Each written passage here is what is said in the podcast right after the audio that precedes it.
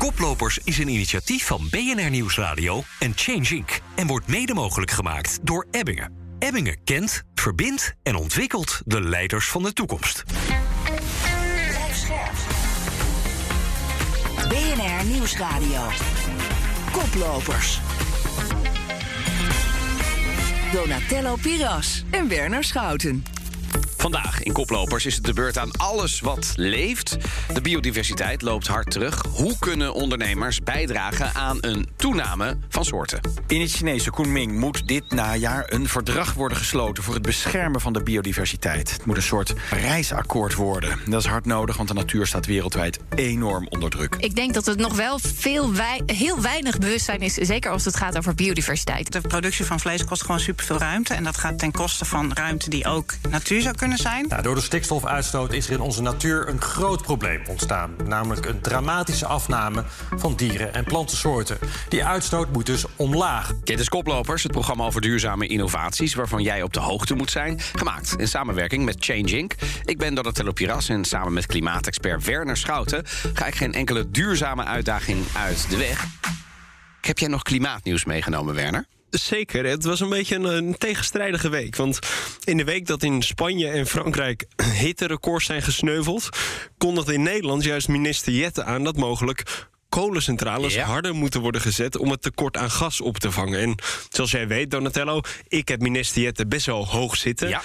Maar dit vind ik toch wel een beetje een misser. Want Dat kan ik me ook voorstellen. Voordat, we, voordat we kiezen voor zo'n ja, zo'n middel als een laatste redmiddel als meer kolenenergie, Ja. vraag ik me wel af: waar is dat noodplan voor energiebesparing geweest? Waar is de grootschalige isolatie van huishoudens en bedrijven geweest? Waar is de betere afstelling van cv-ketels en industriële installaties geweest? Want als we dat hadden gedaan. Dan zouden we volgens de Nederlandse Vereniging van Duurzame Energie... namelijk binnen een jaar meer dan 5 miljard kuub aan gas kunnen besparen. Hoeveel is dat? Ongeveer hetzelfde als wat we via Rusland importeren. Ah, Dus ik, ik vind het snap, eigenlijk een beetje prematuur. ik denk dat we eigenlijk veel harder moeten werken... om minder gas te gebruiken... dan dat we de makkelijke oplossing kiezen voor kolenenergie. Ja, maar hier hebben we volgens nog een bolwind in die studio. Dus die mag van mij wel weer wat. Maar die mag ook uit. En morgen worden de onderhandelingen over biodiversiteit door verschillende VN-landen hervat. En later dit jaar vindt namelijk de COP15, de Biodiversity Conference, plaats in het Chinese Kunming. Dan moeten er nieuwe internationale doelen klaar liggen om de wereldwijde afname van biodiversiteit een halt toe te roepen. En daar gaan wij over praten met Louise Vet. Ze is emeritus hoogleraar ecologie aan de Wageningen Universiteit. Ja, onze biodiversiteit is in de afgelopen 50 jaar met 60% afgenomen. Momenteel wordt 40% van alle insecten wereldwijd met uitsterven bedreigd. Kortom, biodiversiteit wordt bedreigd. En even voor de luisteraar die nou, er nog niet zo goed in thuis is eh, in de biodiversiteit. Wat is jouw definitie van biodiversiteit?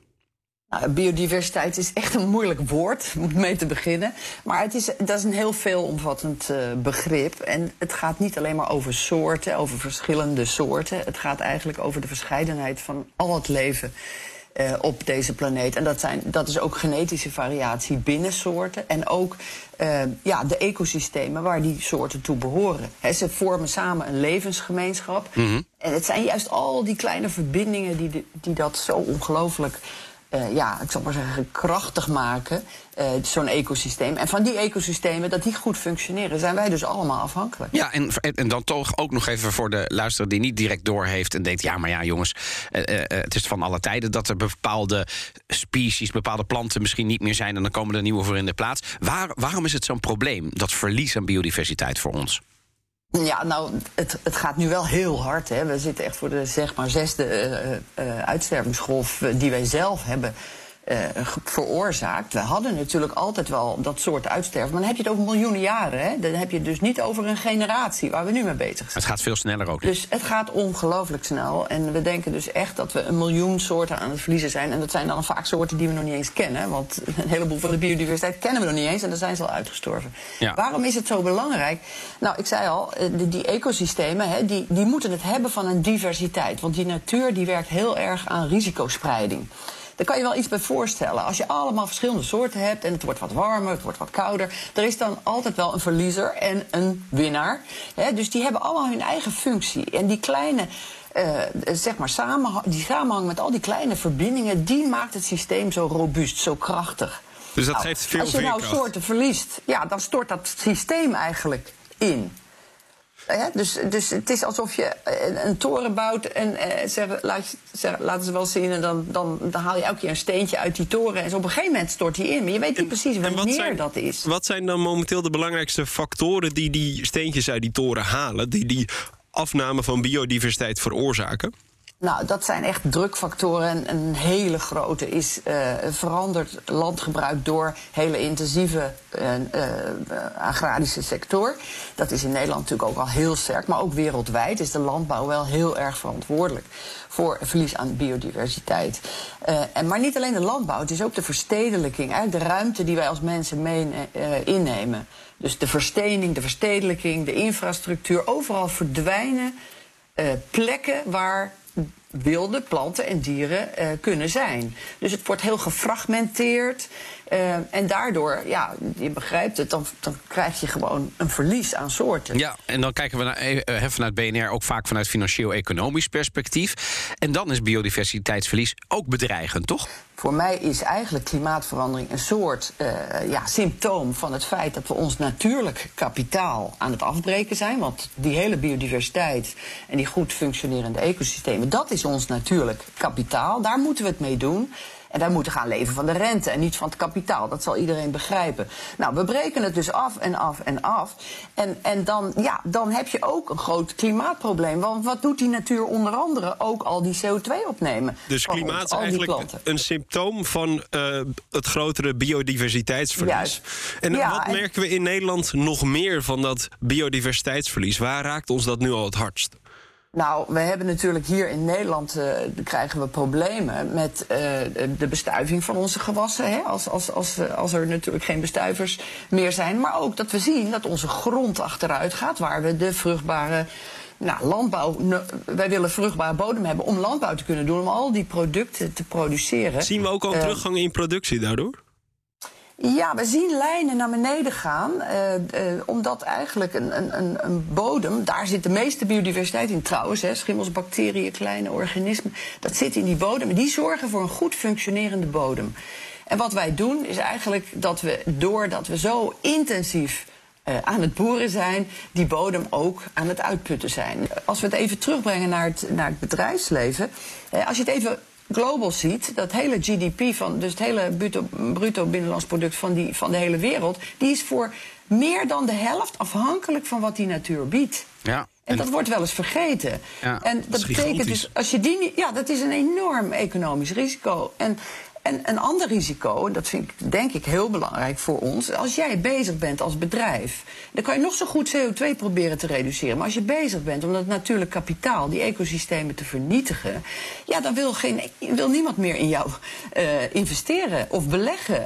Dat is gewoon, dat is gewoon eh, dan, dan ben je gewoon bezig met een, niet alleen een reputatierisico, maar een enorm financieel risico. Ja, Dus, kortom, dus die, ja, die negatieve invloed die moet je proberen niet alleen maar een beetje minder te maken. Nee, je moet eigenlijk probeer ik met, met de financiële sector zover te komen dat we gaan kijken waar die financiële sector bijvoorbeeld alleen al een positief eh, invloed kan hebben op biodiversiteit in de wereld. Ja, en dat brengt ons bij de actie. Want nou ja, hè, er moet iets gebeuren, dat is natuurlijk al duidelijk. Eh, we lazen in een rapport van de Actieagenda voor Biodiversiteit... dat meer dan de helft van de betrokken partijen van dat actieplan commerciële bedrijven zijn. Nou, eh, de, hè, de overheid, ja, die, hè, ik heb het uh, regeerakkoord er nog even op nagelezen. De biodiversiteit staat er drie keer in. En ja, Dat is meest- weinig? Dat is weinig, maar het meest concrete zeggen ze... het regeerakkoord zegt dat ze verlies van biodiversiteit willen herstellen. Nou ja, en dat is nog niet heel erg smart. Dus wat, Louise, kunnen ondernemers nu betekenen voor biodiversiteit? Wat, kan er- wat, wat zijn de quick wins die we kunnen instellen?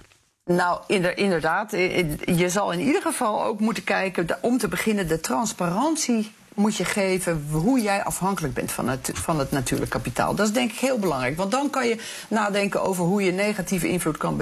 Eh, en dat zit in de hele keten, hè, hoe je dat kan verminderen... en vooral hoe je positieve invloed kan hebben. Hoe kan je dat hebben? Nou, ik zou haast zeggen, eh, kijk dus ook eens eventjes naar je eigen bedrijventerrein. Hè. Je werkt ergens, begin, dan kan je morgen beginnen. Hè. Heb jij een enorme hoeveelheid grond bij je bedrijf... Of, of heb je maar een heel klein beetje... en heb je daken waar je, die, die je groen kan maken... Heb je, eh, eh, kan je je gebouwen helemaal aanpassen... zodat daar ook andere organismes naast de mens kan werken en, eh, en leven en eh, reproduceren. Maar dan toch Dat is even, denk- Louise, als, als, als ik dit hoor... eh, je ziet ook veel initiatieven. Ik denk dat het heel mooi is dat we daar steeds harder aan het werken zijn. Maar toch gaat het vaak over bloemrijke akkerranden... of inderdaad, zoals je ook noemt, groene daken. Dat klinkt vaak als een add-on, een toevoeging aan het verdienmodel... maar niet echt de kern van het verdienmodel van een bedrijf. Dus hoe kunnen we biodiversiteit en de waardering daarvan... juist ook in het kern van het verdienmodel van een ondernemer krijgen? Ja, ik, ik denk dat het heel belangrijk is dat je, eh, je ten eerste je hele keten bekijkt en dat je daarin keuzes gaat maken. Dat je alleen maar wil werken met partijen die dus zelf, eh zal ik maar zeggen, goed bezig zijn met dat natuurlijk kapitaal. Dat klinkt heel vaag, maar ik denk dat als je dat zou doen voor je eigen producten, voor je eigen, eh, voor je eigen, ja, bedrijf, dan kom je, kom je al tot een heleboel inzicht. En en ik denk, kijk ook eens naar eh, eh, dus, ja, de, de Finance for Biodiversity eh, Pledge. Hè. Dat is een Ja. internationale pledge die gemaakt is voor biodiversiteit vanuit de financiële sector. Eh, en daar schrik je dan wel eens van. Dus dan, dan ga je misschien ook wel nadenken over, ja, waar ben ik nou helemaal mee bezig? En kan het niet gewoon veel kan het niet heel anders? Inderdaad, moet het in je eigen bedrijfsvoering, moet het niet ergens onderaan hangen als iets leuks. Ja. Van we gaan, eh, we gaan het carpark een beetje, een beetje bloemetjes naast zetten. Nee, je moet echt kijken waar jij impact kan hebben. En dat kan ieder bedrijf voor zichzelf Ja, heel goed en, en dat gaat, en dat gaat over structurele dingen. Dankjewel, Louise Vet, emeritus hoogleraar Ecologie aan de Wageningen Universiteit. Ja, hoe brengen we nou eigenlijk die natuur in de kern van ons verdienmodel? Hè? Want momenteel betalen wij als, als belastingbetaler eigenlijk de factuur van die natuur. Want bedrijven maken ja, private winsten ten koste van de natuur. Wij genieten natuurlijk ook van die producten. Maar dat leidt tot publieke kosten die wij moeten maken om die natuur weer te herstellen. Dus eigenlijk moeten we ervoor zorgen dat die kosten van de vernietiging van de natuur en ook het herstellen daarvan juist wordt meegenomen in de prijzen. Hè? The true price. de true price, inderdaad. En er zijn steeds meer accountants ook die natuurlijk kapitaal in kaart proberen te brengen. Zodat je niet alleen op je jaarrekening de financiële kapitalen ziet, maar ook de natuurlijke kapitalen die worden gecreëerd, dan wel vernietigd. Dus Ja. misschien is dat wel een richting om dat te gaan beprijzen en in de economie mee te nemen. en dan zit het in het businessmodel en dan, dat, dan ben je echt accountable inderdaad. Wil jij geïnspireerd worden door verhalen uit de top van ondernemend Nederland? Luister dan ook naar de top van Nederland. Iedere werkdag spreekt Thomas van Zel, een leider van nu... of iemand uit de top van het bedrijfsleven.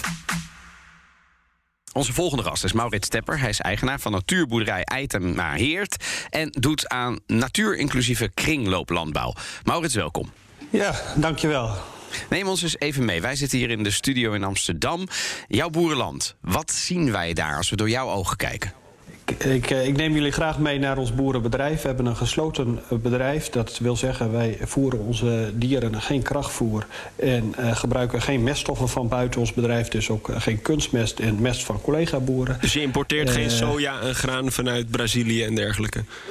Helemaal niks. Onze koeien die moeten van wieg tot aan graf doen met gras. Want gras is iets wat wij als mens niet kunnen consumeren. En daar hebben we grazers voor. En die kunnen dat heel mooi omzetten naar hoogwaardige producten. En dat is melk en vlees. Ons bedrijf is zeer wensgevend en zeer succesvol. En ook nog eens hoog in de biodiversiteit. Louise gaf het net zojuist ook aan. Van ja, eh, economie en ecologie die, zijn, moeten onlosmakelijk aan elkaar verbonden zijn. En dat is in ons bedrijf het geval. Wij produceren gewoon maximaal binnen de grenzen van de natuur.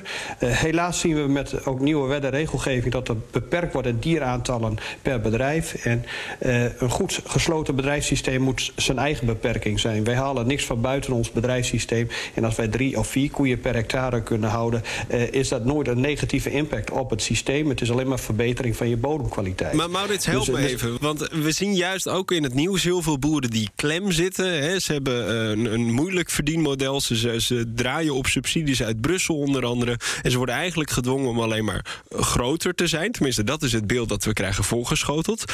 Jij zegt, we kunnen winstgevend natuur inclusief boeren. Zonder kunstmest, zonder bestrijdingsmiddelen. Waarom lukt jou dat wel en, en andere boeren niet?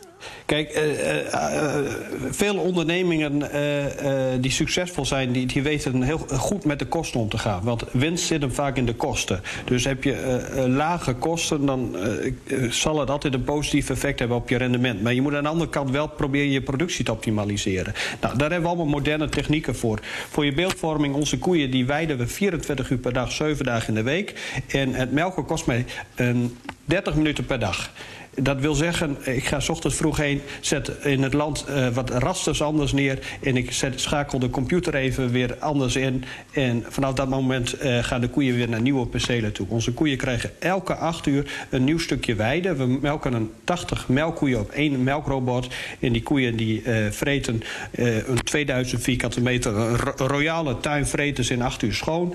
Is de lol eraf, gaan ze naar de robot toe. En de robot die zegt, och, je hebt je acht uur gehad... Hier krijg je weer een nieuw stukje gras. Weer 2000 vierkante meter. En dat noemen we ook direct regeneratief begrazen. Die koeien die leggen dus bijna op elke vierkante meter een fly mest. En eh, eh, vreten heel kortstondig, heel intensief eh, het gras weg. Zo benut je optimaal je percelen. Dus je hebt geen verliezen aan die zijde.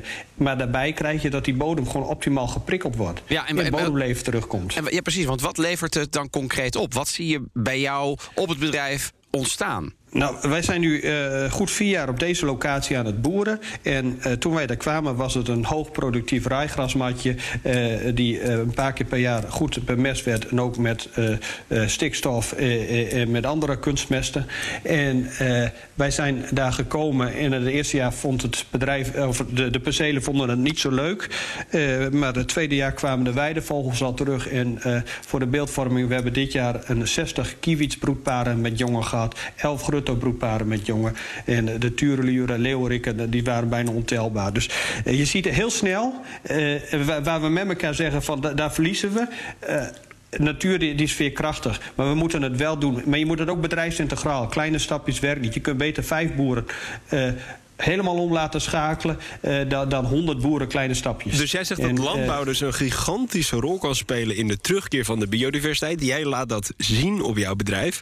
En je zegt kleine stapjes werken niet. Moet elke boer dan eigenlijk ja, opnieuw opstarten om de biodiversiteit te laten toenemen? Nou, ik, ik, eh, ik ben de, van de filosofie dat je niet elke boer eh, alles moet laten doen. Dus eh, je kunt beter boeren die het gewoon heel erg goed doen... in, in- het heel hoog productieve systeem... op de juiste plek gewoon op die manier door laten boeren. Dat, die zijn optimaal met hun nutriëntenstromen bezig. Maar we hebben ook best wel een grote groep boeren... en ook deels wel rond die Natura 2000 gebieden. Eh, daar moet je gaan faciliteren. En ook bedrijfsintegraal. Op het moment dat je een gesloten bedrijfssysteem hebt... dan ben je niet overbelastend. Sterker nog, je bent opnemen van stikstof. En je, fosfaat neemt zelfs af. Op het moment dat je die regels daar ook weghaalt... dat die boer gewoon binnen zijn bedrijfssysteem... gewoon maximaal kan boeren zonder de regelgeving die daarbij nodig is... dan heb je echt een oplossing. En dan heb je ook verdienvermogen onder dat bedrijf gecreëerd. En vervolgens krijg je veel meer van die bedrijven in Nederland... en dan kan de consument ook kiezen in de supermarkt. Want nu worden we gegreenwashed in de supermarkt... en op het moment dat we 20, 30, misschien wel 100 bedrijven... door heel Nederland krijgen die daadwerkelijk natuurinclusief... integraal doorgevoerd hebben op een bedrijfssysteem... waarbij de overheid ook kan zeggen... deze bedrijven voeren ook echt niks aan... dan weet ik zeker dat de consument bereid is om er meer voor te betalen. Zolang als een consument eraan twijfelt of het daadwerkelijk wel oprecht is... gaat hij daar niet meer voor betalen. En even voor mijn beeld, Maurits, krijg je nou veel medestand in jouw plannen eh, van experts en andere boeren? Of, of, of is er juist kritiek? Hoe, hoe, hoe moet ik dat zien? Nou, eh, eh, oh, men is eh, onbekend. En wij zijn gelukkig demonstratiebedrijf geworden vanuit eh, het ministerie... om te laten zien aan onze collega-boeren dat op deze manier ook geboerd kan worden. Maar wij zien ook helaas dat gewoon eh, het beleid nog niet in de juiste richting gaat. Eh, de dieraantallen, dat moet geen discussie zijn in een eigen gesloten systeem. Want ja, eh, dat is een hele natuurkundige wet. Wat er niet in gaat, gaat er ook niet uit. Dus als je alles binnen je eigen systeem oplost... dus binnen je eigen bedrijf, zonder externe input... dan kun je nooit een overbelasting hebben... en dan ben je altijd een netto-opnemer. Ja, maar tegelijkertijd, hè, als we het heel even hebben ook over de schaalbaarheid van de activiteiten. We hebben straks 9 miljard mensen te voeden in 2050. Dat is best fors over de hele wereld. Dan is, eh, eh, hè, en in de farm-to-fork-strategie van, van, van Europa staat dat, eh, la- laten we zeggen, dat, we, dat we wel degelijk moeten gaan inzetten op die manier van boeren. Hè, dus niet meer op die traditionele manier van boeren alleen. Maar, maar dan zeggen de traditionele boeren weer... ja, maar jongens, als we dat op die manier gaan doen wereldwijd... dan kunnen we niet zoveel, en dat is niet zo schaalbaar... om zoveel miljarden mensen te voeden. Hoe kijk jij daarnaar? Nou, je moet wel realistisch zijn. Hè? Kijk, we, hebben dus met het klimaat al over uh, uh, uh, uh, over 100 jaar, wat er dan gebeurt. Uh, we hebben Louise zojuist ook gehoord dat ze zegt... ja, de bodemkwaliteit neemt hand over hand af. Dus op, op het moment dat je gewoon doorgaat in dat systeem... dat gaat niet werken. Wij moeten een, een landbouwsysteem vinden... waarbij er gewoon een balans is tussen de productie... en de natuurlijke hulpbronnen die, die er zijn, beschikbaar zijn. En wij doen dat op bedrijfsniveau. Dat zou je best ook op gebiedsniveau kunnen doen. Het is gewoon noodzakelijk maar, om dit uh, door te voeren op deze manier. Dat is goed voor biodiversiteit biodiversiteit en goed voor klimaat, als ik jou zo hoor. Toch even kort. Maar, uh, ja? Uh, wat is jouw advies voor boeren, maar ook andere ondernemers om biodiversiteit mee te nemen in hun verdienmodel? Ik blijf van mening dat het bedrijfsintegraal moet. Uh, op het moment dat ik biologisch boer ben, maar eigenlijk heel intensief... Uh, dan kun je niet de vruchten ervan plukken van jouw uh, ja, biodiversiteit in je bedrijfssysteem. Het moet regeneratief, bedrijfsintegraal. Maar wat ik ook belangrijk vind is, laten we nou eerst zorgen... dat we een deel van de boeren op die manier omschakelen... dan alle boeren nu af laten schalen. Dat is niet wijs. Je kunt beter zeggen, laten we nou een deel gewoon bedrijfsintegraal omschakelen en faciliteren. In onze natuurorganisaties dienend worden aan die bedrijven. Want uh, onze natuurorganisaties gebruiken deels ook nog kunstmest. Dus uh, om, om, landbouwgronden te verschralen. Uh, een hele dubieuze gang van zaken naar mijn mening. Maar dit, laten we nou eerst die boeren die... die tegen die Natura 2000 gebieden aan zitten... die dat ook willen, want je moet willen, intrinsieke -hmm. motivatie moet er zijn... faciliteer die dan ook bedrijfsintegraal. Ja. Met wettenregelgeving en ook met geld. Dankjewel. Uitkoop is geen optie. Maurits Tepper van boerderij Eitemaheert. Nou, interessant uh, wat uh, Maurits zegt. Hè. Die heeft dus blijkbaar een werkend businessmodel. Hoe verhoudt zich dat dan tot de traditionele ja, ik, ik, ik, vond het zo mooi dat hij dus een, een, goed businessmodel heeft. En eigenlijk jammer dat we dus bijvoorbeeld de stikstofproblemen zo erg hebben laten oplopen. Dat we boeren niet echt meer de kans kunnen geven om die overstap naar een ander verdienmodel te ja. maken. En dat we nu gewoon. Rug tegen de muur, hè? Nu. Ja, ad hoc gewoon heel veel bedrijven moeten uitkopen. Luie politiek? Ja, kost, kost ons miljarden. Ja, ons, de belastingbetaler.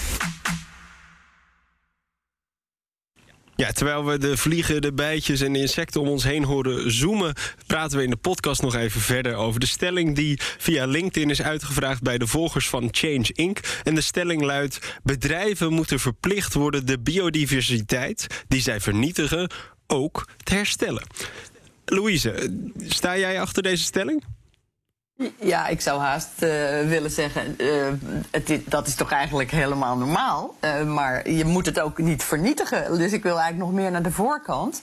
Want het is natuurlijk belangrijk dat jij van tevoren goed in die keten kijkt. Hè, en dat je alleen maar investeert in of werkt samen met bedrijven die biodiversiteit geen kwaad aandoen.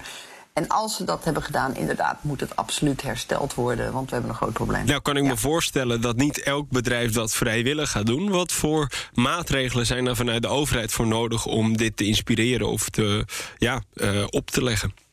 Nou ja, we hebben natuurlijk verschillende uh, maatregelen die, uh, die je zou kunnen doen. Uh, om even bij de boeren te, te blijven. Uh, we hebben net Maurits uh, gehoord. Uh, ik ben van mening dat ook de reguliere landbouw hele grote stappen kan maken om biodiversiteit te herstellen. He, dus zelfs bij hoogproductief boeren kun je, kun je allerlei dingen doen ook vaak. Uh, Noem er eens één. In, in, in, nou ja, bijvoorbeeld uh, de strokenlandbouw, de, de, de precisielandbouw, maar vooral ook de heterogeniteit van het landschap proberen te herstellen. Wat we zien is dus die enorme monoculturen. Dat is natuurlijk tafeltje dekje voor ziektes. Dat is, dat, daar, daarmee genereer je eigenlijk al het probleem. Dus je ja, kan veel, veel veel meer... plagen en zo.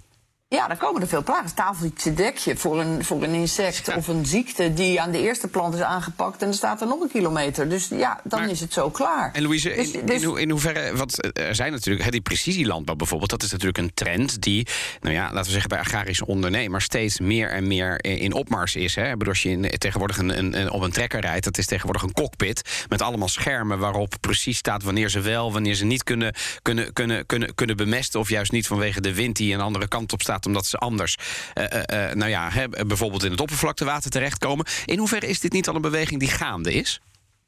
Ja, die beweging is ook wel gaande. Maar die, die moet ook aangepast worden, vind ik, aan eh, die verscheidenheid in het landschap. Dus ook de, de, de heterogeniteit in het landschap, dat niet alles precies hetzelfde is. Die grootschaligheid, die moet je toch proberen in je bedrijfsvoering dan te verwerken. En ik ben het helemaal met Maurits eens, er moet natuurlijk een kringlooplandbouw ontstaan. Is het niet op jouw eigen bedrijf, dan toch wel op gebied. Op gebiedsniveau. En daar werken we natuurlijk ook heel aan. Ja, want Maurits, wat vind jij van die verplichting dat eh, bedrijven moeten worden verplicht biodiversiteit die ze vernietigen ook weer moeten herstellen?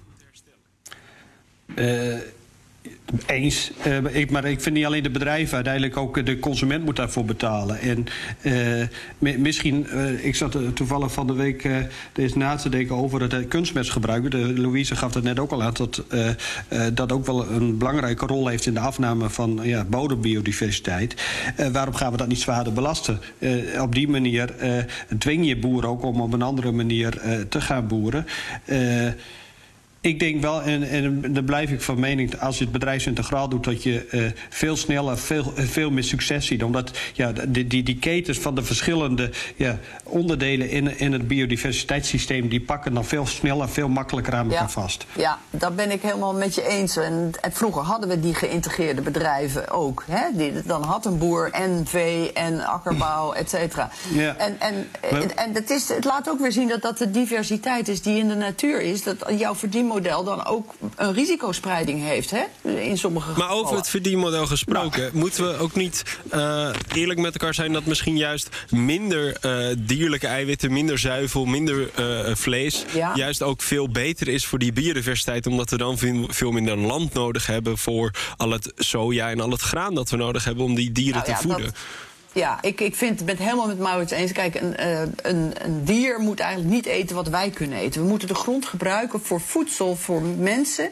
en voor de, het natuurlijk kapitaal. En niet voor voedsel voor onze dieren. Maar voor Maurits, dat is voor jou eh, een stuk minder eh, speelruimte dan. Dat is een veel kleinere sector die dan overblijft voor jullie.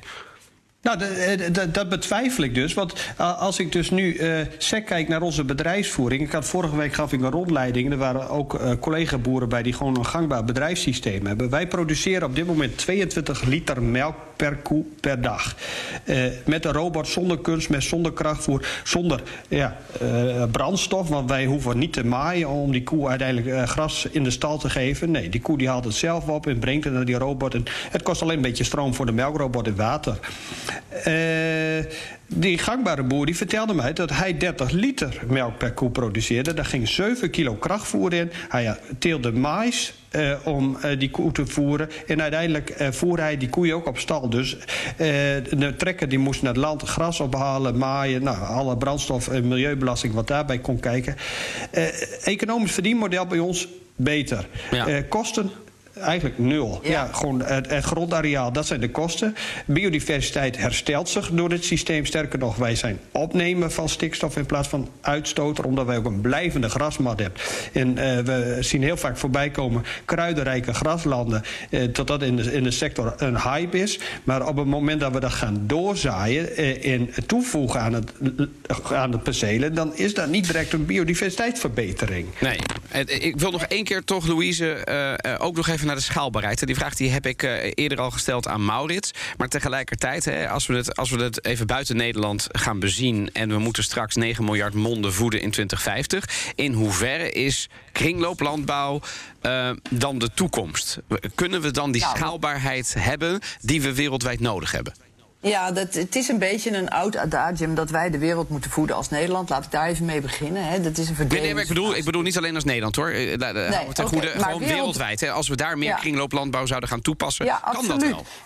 Ja, zeker. Want eh, wat we nu zien, het, wereldwijd, dat dus heel veel gronden degenereren zijn. Dus 40% van onze, al onze grond op deze planeet is eigenlijk al in slechte staat. Dat is een eh, rapport van de UNCCD, dat is ook van de Verenigde Naties. En, en, en daar zal je dus echt anders niks meer mee kunnen doen wat voedselproductie betreft.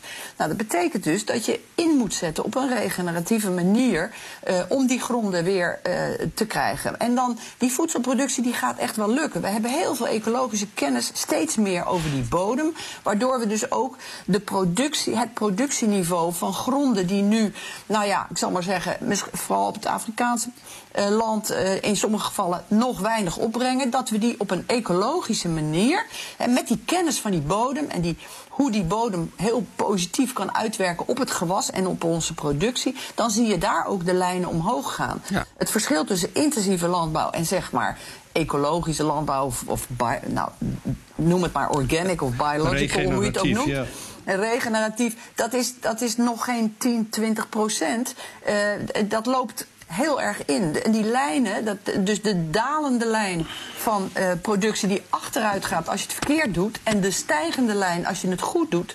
Kijk, dat, eh, dat kruist elkaar zo'n Ja, beetje. en als we ons dieet veranderen, dan hebben we natuurlijk ook veel minder land nodig. Ja, nou Ja, kijk eens zeker. in de supermarkt. We moeten ook we moeten voor onze eigen gezondheid toch echt ook minder dierlijke producten eten. Dus ja, er zal ook eh, minder eh, de, hoe heet het, eh, vee nodig zijn als wij dieren alleen laten eten van wat wij zelf niet kunnen eten. En dat is ook een, een heel goed uitgewerkt concept door hoogleraar Imke de Boer bij Wageningen Universiteit, die dat ook laat zien. Ja. Leg niet altijd alles bij de consument neer, maar wel dit aspect. Hè? Dus maak keuzes als consument. Ook voor je eigen gezondheid. Maar ook eh, wat betreft eh, boeren die het al goed doen. Dat die, eh, dat die eh, inderdaad een, een, een goede afzetmarkt eh, hebben. Dankjewel, Louise Ah, Vet. Ik, ik wil er nog wel even op inhaken. eh, ik wil Ja. hier nog wel even op inhaken. Ik, ja, ik vind, Maar Maurits, Ja? wel kort graag, want we we zijn Ja. bijna door de tijd heen. Ja. Eh, eh, eh, we moeten niet vergeten dat we de dieren nodig hebben om uiteindelijk dit systeem te creëren. En eh, Ja, ja. De, de, de tendentie is: eh, ben je goed voor de natuur, ben je goed voor het milieu, dan eet je geen vlees meer. Maar dat is niet de juiste oplossing. Is dat zo? Als we vlees IPCC eten, zegt wat anders hoor. Nou, eh, eh, op het moment dat die koe die, die percelen niet meer begraast... dan eh, zul je uiteindelijk op termijn daar niks meer af kunnen halen. Nee, maar dan kan je daar een bos of een heide van maken, toch? Dan kan je daar andere biodiversiteit Maar van, van, van een heide kunnen wij niet eten. En eh, we moeten juist eh, zorgen dat we eh, eh, een natuurlijke manier van voedsel produceren krijgen. Daar hebben we die dieren gewoon wel bij nodig. Dus eh, alleen op die manier eh, hou je een, een gezond landbouwsysteem in Ja, stand. Op we agree to disagree aan het uit- einde van deze podcast uitzending, denk Eh, ik. ik ben het niet met je eens, maar goed, eh, daar komen we blijkbaar niet uit. Maar dat is ook niet we erg. hebben ook land, Dank- we hebben ook land nodig voor Ik ga jullie bedanken. Dankjewel, Louise Vet, emeritus hoogleraar ecologie aan de Wageningen Universiteit. En Maurits Stepper, boer op de boerderij Eitema Heert. Dank jullie wel. Dit was de podcast van Koplopers voor deze week over biodiversiteit. Volgende week, maandag om half vier, zijn we weer te beluisteren op jouw radio. Met uiteraard een nieuw actueel en belangrijk onderwerp. Of hier in jouw favoriete podcast-app. En vergeet trouwens niet op onze podcast te volgen en een review achter te laten. Bedankt voor het luisteren en eh, Tot volgende week. heel graag. Koplopers is een initiatief van BNR Nieuwsradio en Change Inc. en wordt mede mogelijk gemaakt door Vattenval. Samen werken we aan een fossielvrij leven binnen één generatie.